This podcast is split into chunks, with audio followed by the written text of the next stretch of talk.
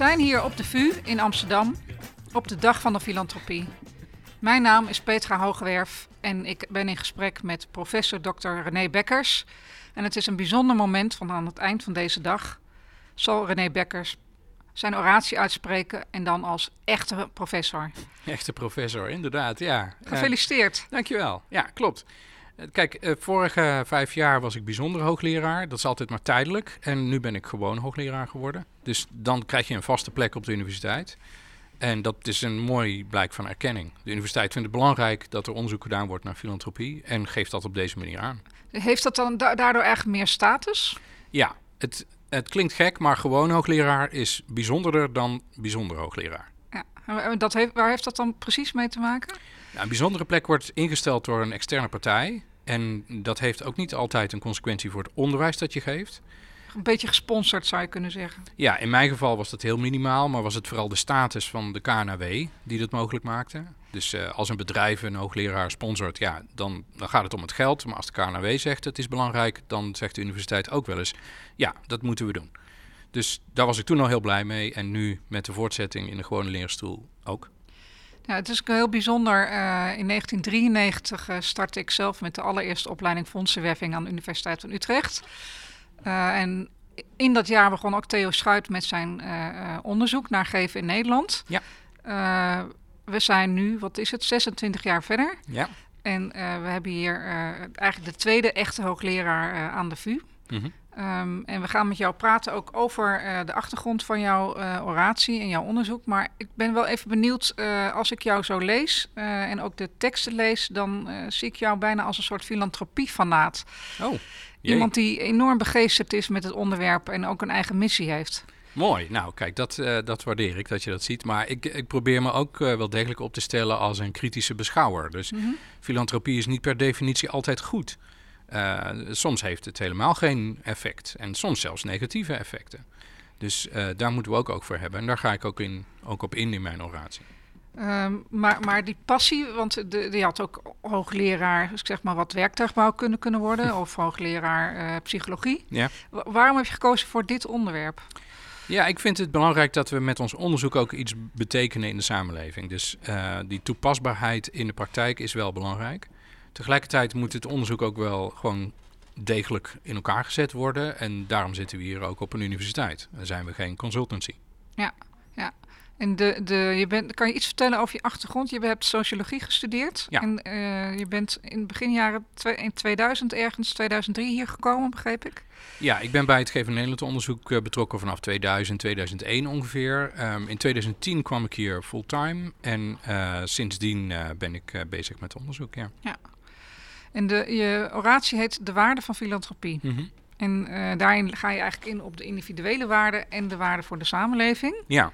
Dus zullen we eerst even ingaan op de individuele waarde? Wat, wat versta je daar eigenlijk onder? Nou, kijk, filantropie wordt altijd gezien als uh, goed doen voor de samenleving. En tegelijkertijd zou het dus heel erg interessant zijn als je kunt laten zien dat het goed doen voor de samenleving ook voor degene die goed doet, ook nog allerlei mooie consequenties heeft. Mm -hmm. Nou, er zijn allerlei theorieën en ook onderzoek uh, dat lijkt te suggereren dat, dat als mensen geven, dat ze dan daar gelukkig van worden. Of als mensen vrijwilligerswerk doen, dat ze dan een positievere blik krijgen op de samenleving en hun medeburgers. En ja, ik ben ook hier gekomen om dat soort beweringen heel kritisch te onderzoeken. Ja, en, en wat, wat zeg je daar dan over? Ik heb begrepen dat je dat de correlatie tussen goed doen en gelukkiger worden niet zo ziet. Nou, niet zo ziet, uh, die is er wel. Ja. dus mensen die uh, gelukkig zijn, die geven vaker. Ja. Maar het is niet zo dat als je meer gaat geven, dat je dan nog gelukkiger wordt. Ja. Dus dat spreekt een beetje tegen de theorie. De mensen die er uh, positieve uh, bevindingen in willen zien, prima. Maar het is dus niet zo simpel als laat mensen geven, dan worden ze gelukkig. Ja, ja. Dus, maar het boeiende is wel dat als je een optimistisch karakter hebt, geef je meer. Ja, dat vind ik ook een interessante. Je kunt mensen vragen hoe, uh, hoe ziet u het leven? Ik ben normaal gesproken positief ingesteld, maar ik zie ook de schaduwkanten van het bestaan. Nou, dat is een beetje in het midden. Dan heb je mensen die zeggen ik ben eigenlijk een, een pessimist. En je hebt mensen die, die zeggen voluit ik ben een optimist. Ik zie altijd de positieve kanten van het leven. Nou, die laatste groep die geeft vaker en meer. En de negatief ingestelde mens in Nederland geeft minder. Nou luisteren ook heel veel fondswervers naar dit verhaal en die denken dan meteen, waar kan ik die optimisten vinden? Nou, die heb je al in je database. Dus uh, zo, zo moeilijk is het niet. Kijk, uh, de mensen die willen geven, die heb je over het algemeen al gevonden. Uh, het vinden van nieuwe donateurs is vaak het zoeken naar mensen die uit zichzelf niet zouden geven, ja. die je moet overtuigen. Ja. En nou goed, daar heb je de hele toolbox voor. En in die, die geefmotieven, je hebt ook een aantal geefmotieven benoemd. Mm -hmm. kan, kan, je die omschrijven voor de luisteraar? Ja, je kan uh, naar heel veel motieven kijken. En de, een vaak gemaakt verschil is: is het goed voor jezelf of is het goed voor de samenleving? Nou, dat, dat is egoïsme versus altruïsme. Dan blijkt eigenlijk simpel gezegd dat, dat pure altruïsme, dat heeft niet zo'n hele grote invloed op het geefgedrag. Mensen denken graag dat ze geven om de samenleving, maar als de samenleving er beter van wordt, en je kunt dat doen door te geven, dan blijkt dat over het algemeen niet zo uit zichzelf een heel groot effect te hebben. Ja. En is er, eh, is er al onderzoek gedaan naar hoe dat bij jongeren bijvoorbeeld zit? Dat gaan we doen. Ah. Dat weten we nog niet heel goed. Uh, die verschillen tussen generaties en tussen leeftijdsgroepen. Ja. Uh, wat gebeurt er als, als je ouder wordt? Hoe ga je dan uh, anders geven? Of hoe geven mensen die geboren zijn in latere jaren ten opzichte van mensen uit de vooroorlogse generaties. Ehm, daar weten we nog eigenlijk niet heel goed uh, iets over. In uh, de special van Geven in Nederland, die aan het eind uh, van, dus die in het volgend voorjaar weer uitkomt, daar hebben we daar aandacht voor. Oh, interessant. Ja. Nou, dan komen we gewoon weer langs, stel ik voor. Ja, natuurlijk. Ja, want die, die jongeren, uh, als je kijkt naar de cijfers van Geven Nederland, dan uh, was het wel een alarmerend bericht de vorige keer toen je het onderzoek publiceerde. Ja, maar dat ging niet zozeer over jongeren. Dat ging over de hele bevolking. Ja. ja, en ik dacht in mijn naïviteit wellicht van misschien komt het wel omdat jongeren anders geven dan, dan oudere mensen. Ja, dat natuurlijk sowieso. Maar dat is niet direct de verklaring voor de totale afname in het geefgedrag van Nederland. Hm. Dat zien we in alle leeftijdsgroepen. Oké. En wat is, wat is daar dan de verklaring? Kan je, wat is daar de verklaring van? Nou, we zien in, in de hele bevolking zien we een afname van uh, de prosociale waarden, zoals we die noemen. Dus geven wordt niet alleen en niet direct beïnvloed door de waarde voor de samenleving, maar wel door de waarden die je zelf belangrijk vindt. En uh, dat, is, dat is een meer een psychologische verklaring, zou je kunnen zeggen. Um, en die waarden die uh, mensen zien als belangrijk, die motiveren hun geefgedrag. Mhm. Je wilt bijdragen aan een rechtvaardige wereld. Je wilt, je wilt de wereld wat eerlijker maken. Je wilt dierenrechten steunen. Nou, al die dingen die ons motiveren, um, die lijken wat minder sterk te worden in de loop van de tijd. En dat geldt niet per se voor de jongere generaties, mm -hmm. maar dat geldt eigenlijk voor iedereen in Nederland. Dus Um, we zien dat voorzichtig en langzaam veranderen. Maar bij elkaar is dat wel een verklaring voor het afnemende uh, percentage van het inkomen dat Nederlanders geven. Ja. Want dat was eigenlijk de belangrijkste zorg die we hebben geuit. Dat percentage neemt af. Ja. Want ik zoals van de week uh, sprak ik iemand die zegt: Nou, ik geef echt nooit aan goede doelen. Want uh, die directeuren strijken salarissen op. En uh, er is kennelijk volgens mij ook een soort beeld over goede doelen uh, bij bepaalde volksgroepen dat ze niet deugen. Dat, dat het rommelt. Dat, dat er, je ziet natuurlijk ook soms in de krant dingen waardoor het he, op de hele sector wordt geprojecteerd. Mm -hmm. Gaan jullie daar ook onderzoek naar doen? Dus hoe, hoe goede doelen functioneren? Ja, dat hebben we ook al wel gedaan. Kijk, die beelden, daar kun je niet altijd iets aan doen. En het beeld dat jij nou beschrijft, dat zit vooral bij mensen die sowieso nooit zouden geven. Dus daar moet je ook niet proberen om daar iets aan te doen. Ja. Um, maar je kan wel kijken naar uh, wat zijn nou factoren die de prestaties van goede doelenorganisaties bevorderen. En dat is een heel nieuw onderzoeksterrein waar ik onderzoek naar wil gaan doen. Want we weten heel veel over het geefgedrag. En sinds kort weten we dus ook een heleboel over de effecten van het geefgedrag en het vrijwilligerswerk. Maar waar we nog heel erg weinig over weten, dat is de organisatie van het goede werk. Dus ja, we weten heel weinig over wat effectieve goede doelenorganisaties zijn. Waar wij nu in Rotterdam de, de, de, onderzoek wordt gedaan naar impact van uh, dit soort organisaties. Mm -hmm. uh, gaan jullie daar dan ook mee samenwerken? Misschien wel. Uh, in eerste instantie kijken we naar wat we al over goede doelenorganisaties kunnen achterhalen via de jaarverslagen. En daar is gek genoeg in Nederland ook nog nooit eerder een analyse van gemaakt. Dus hoe, hoe ontwikkelen de inkomensstromen van goede doelenorganisaties zich nou eigenlijk? Hoe zitten de besturen van goede doelenorganisaties in elkaar? En hoe zitten die aan elkaar vast? En nou, uh, hoe, is, hoe zijn die uh, besturen samengesteld? Um, hoe hebben die een effect op uh, welke donateurs je aantrekt? Al dat soort vragen hebben we geen idee van. Ja.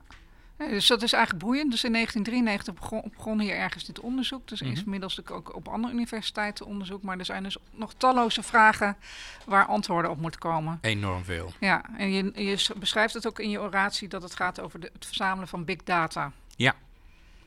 Ja, die, die big data die zijn er al. Want kijk, al die informatie die goede doelenorganisaties over zichzelf uh, naar buiten brengen via de media in hun jaarverslagen dat zijn in feite de big data waar we mee kunnen werken. Ja. Tot nu toe was het best lastig om daar kwantitatief onderzoek mee te doen, omdat dat over het algemeen tekstdata is. Maar er zijn nu nieuwe technieken ontwikkeld waardoor we die teksten kunnen gaan analyseren en in cijfers kunnen uitdrukken. En die technieken gaan we inzetten om te kijken uh, ja, wat, uh, hoe goede doelenorganisaties bijvoorbeeld praten over hun uh, doelstellingen, hun missie, hun visie. Uh, en uh, wie weet heeft dat een, uh, een, interessant verband met het geefgedrag, maar ook met de effectiviteit van hun werk. Ja, ja. Soms wordt natuurlijk ook wel eens afgevraagd waarom er zoveel goede doelen zich bezighouden met één onderwerp. Mm -hmm. Is dat, zou dat een neveneffect kunnen zijn van wat jullie gaan doen? Of een uitkomst? dat er minder organisaties komen? Ik weet nou, niet of dat, dat een goed idee is. dat er beter samengewerkt wordt om het maatschappelijke doel te bereiken. Ja, en dan denk ik dat vooral de samenwerking ook met de overheid heel belangrijk is. Dus niet zozeer ja. hoe goede doelen onderling samenwerken. Um, daar, daar weet ik niet of daar zo heel erg veel in te behalen valt. De grootste winst uh, kunnen ook vermogensfondsen boeken als ze goede samenwerkingsrelaties kunnen opbouwen met overheden waar uh, ja, die uiteindelijk uh, de beleidscontext bepalen waarin die goede doelenorganisaties moeten werken. Ja, Waarbij we natuurlijk wel al de Sustainable Development Goals hebben. Hè? Ja, maar dat zijn doelen. Ja. En ja, hoe gaat dat dan in de praktijk? Ja, ja. Nou, wat ik zie in de praktijk is dat het inderdaad heel moeilijk is om samen te werken. Precies. Ja, dus dat, uh, dat is, ik denk dat dat inderdaad heel belangrijk is dat jullie daar meer onderzoek naar gaan doen, naar hoe mm -hmm. die organisaties functioneren. Dus ik word er alleen maar heel erg blij van. Mooi. Uh, terug naar deze dag. Uh, um, hoe ziet, hoe ziet zo'n dag van zo'n oratie er eigenlijk uit? Nou, we gaan straks naar ronde tafels. Daar gaan ja. we met experts praten over een heleboel thema's die actueel zijn in de filantropie. Um, we gaan dan, dat is een open gesprek. Uh, we gaan met elkaar nadenken. Um, en dat is ook bedoeld om te kijken wat speelt er nou eigenlijk in de sector en welke vragen zouden wij met ons onderzoek moeten gaan beantwoorden. Kijk, de visie die ik daarop heb, dat kan interessant zijn, maar hoe ziet de sector dat zelf? Ja dat is gewoon heel belangrijk om mee te nemen in het ontwikkelen van je onderzoeksprogramma. Ja, dus, dus dat doen we eerst. Daarna is er nog even pauze en dan uh, gaan we naar de aula. En in die aula, wat, wat, wat, ga, wat kunnen we... Want er zijn luisteraars die het niet meemaken. Dus wat, wat, maak je mee, uh, jijzelf, maar ook de bezoekers bij zo'n oratie? Mm -hmm. Um, nou, wat je te zien krijgt is uh, een, uh, allereerst uh, misschien een beetje wonderlijke toestand, maar hoogleraren doen een toga aan en ja. gaan in een processie achter de pedel aan. Die leidt de ceremonie. vervolgens opent de decaan de, de, middag met, met gebed. We zijn op de Vrije Universiteit, de Protestantse Universiteit. Dus um, dat is de opening. dan is er een korte introductie door de decaan van mij en mijn onderzoeksgroep. Ik zal vervolgens het woord nemen om te praten over de waarde van filantropie. Dan is er nog weer een reflectie. Je krijgt 40 minuten de tijd als hoogleraar om zonder tegenspraak op een podium te staan. Dat is heel erg bijzonder. Maar vervolgens eh, krijg je toch wel eventjes een reflectie van de decaan, die dan weer boven je staat als hoogleraar. Dus ik ben heel benieuwd wat zij ervan vindt vanmiddag. En daarna gaan we aan de borrel. En is dat dan een soort uh, gesprek met die decaan? Of? Nee, zij, nee. zij, zegt gewoon wat ze ervan vindt. Precies. En ik weet, ik weet dat niet. Dus uh, dat heeft ze mij niet verteld. Ja, spannend. Ja. ja. En daarna feest? Ja. Uh, nou, feest. Bescheiden borrel. Hey, vertel even uh, wat een hoogleraar eigenlijk doet. Want je, je doet onderzoek, daar hebben we het net, net al een stukje van de sluier mhm. van opgelicht. Er valt ook veel meer over te zeggen. Mm maar wat doet een hoogleraar? Wat zijn zijn taken en verantwoordelijkheden? Nou, als hoogleraar heb je enorm veel taken die eigenlijk weinig met onderzoek te maken hebben. Mhm. Heel veel met onderwijs, met organisatie, management, personeelszaken, contracten. Ehm, allemaal dingen waar je niet voor wordt opgeleid, maar die je on the job leert. Ehm, en ja, wat heel erg veel vergt van je organisatietalent, je inlevingsvermogen. Allemaal dingen die eigenlijk niks met onderzoek te maken hebben. Dus je bent een groot deel van je tijd eigenlijk de, de afdeling aan het runnen. Ja, en de samenwerking met andere onderzoeksgroepen. En uh, het, uh, ik ben ook nog tegelijkertijd uh, directeur van een nieuwe opleiding hier op de universiteit. een tweejarige research masteropleiding waarin we met big data aan de slag gaan. Ja, dank. Ja. En ik ben voorzitter van de ethische toetsingscommissie, dus onderzoek dat langskomt hier op de faculteit waar ethische vragen over zijn, dat, dat behandel ik. Hey, we gaan even terug naar, de, naar, naar, nog even naar de inhoud. Mm jij schrijft, filantropie is de belofte voor een betere wereld. Ja, dat is het evangelie van de filantropie. Ja, het evangelie van de filantropie leek mij ook inderdaad. Zo noem ik dat, ja. Ja, het is bijna alsof je het op een bordje kan hangen. Ja. Boven je bed. Precies. De belofte voor de betere toekomst. Uh, onze lotsbestemming als, als mensheid. De, dat is de filantropie. Alleen maakt die filantropie die belofte ook waar? Nou, dat is de vraag naar de impact. En dat is de vraag die we moeten gaan beantwoorden. Ja. En die betere wereld? Mm -hmm. de, je hebt het over, en over de belofte en die betere wereld. Mhm. Hoe ziet die er dan uit? Nou ja, je kunt dat op heel veel terreinen kun je dat uh, met concrete doelen neerzetten. Je noemde al die Millennium Development Goals.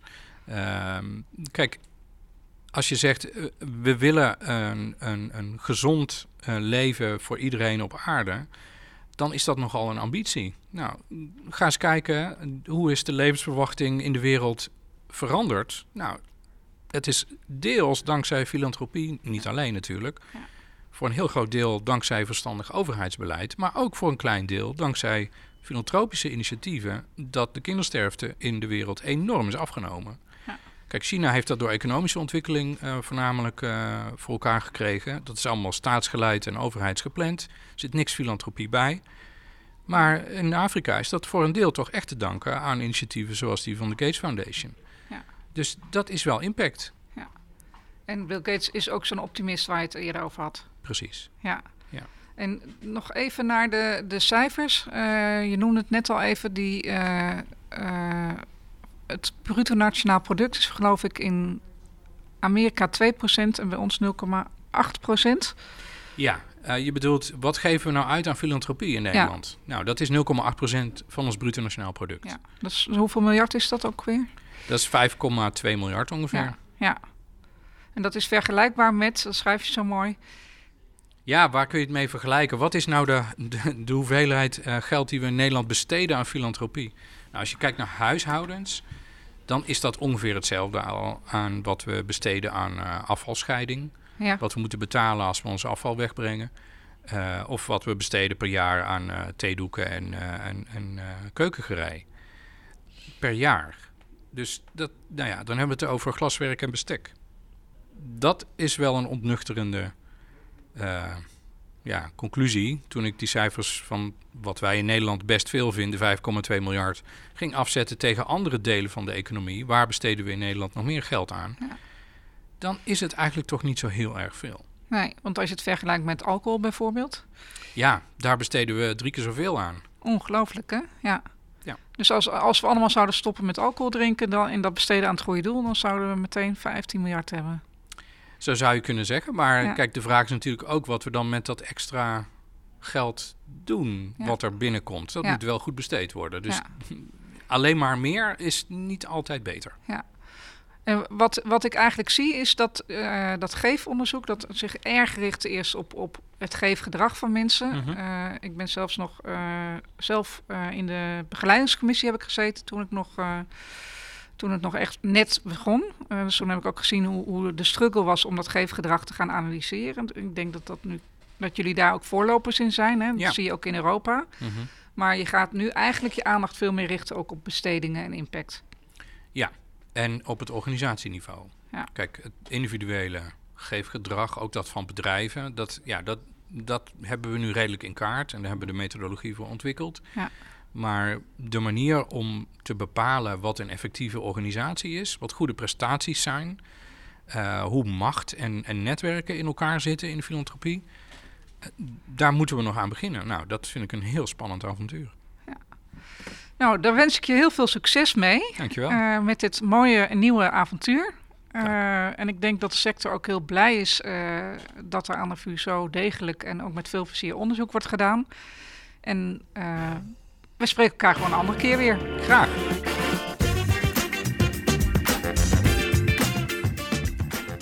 Leuk dat je luisterde naar deze podcast, opgenomen tijdens de Dag van de Filantropie. Dit was een aflevering uit de serie Op Locatie, een samenwerking tussen het vakblad Fondswerving en Verleda. Kijk voor meer podcasts uit deze serie op Spotify, iTunes en op fondsenwerving.nl.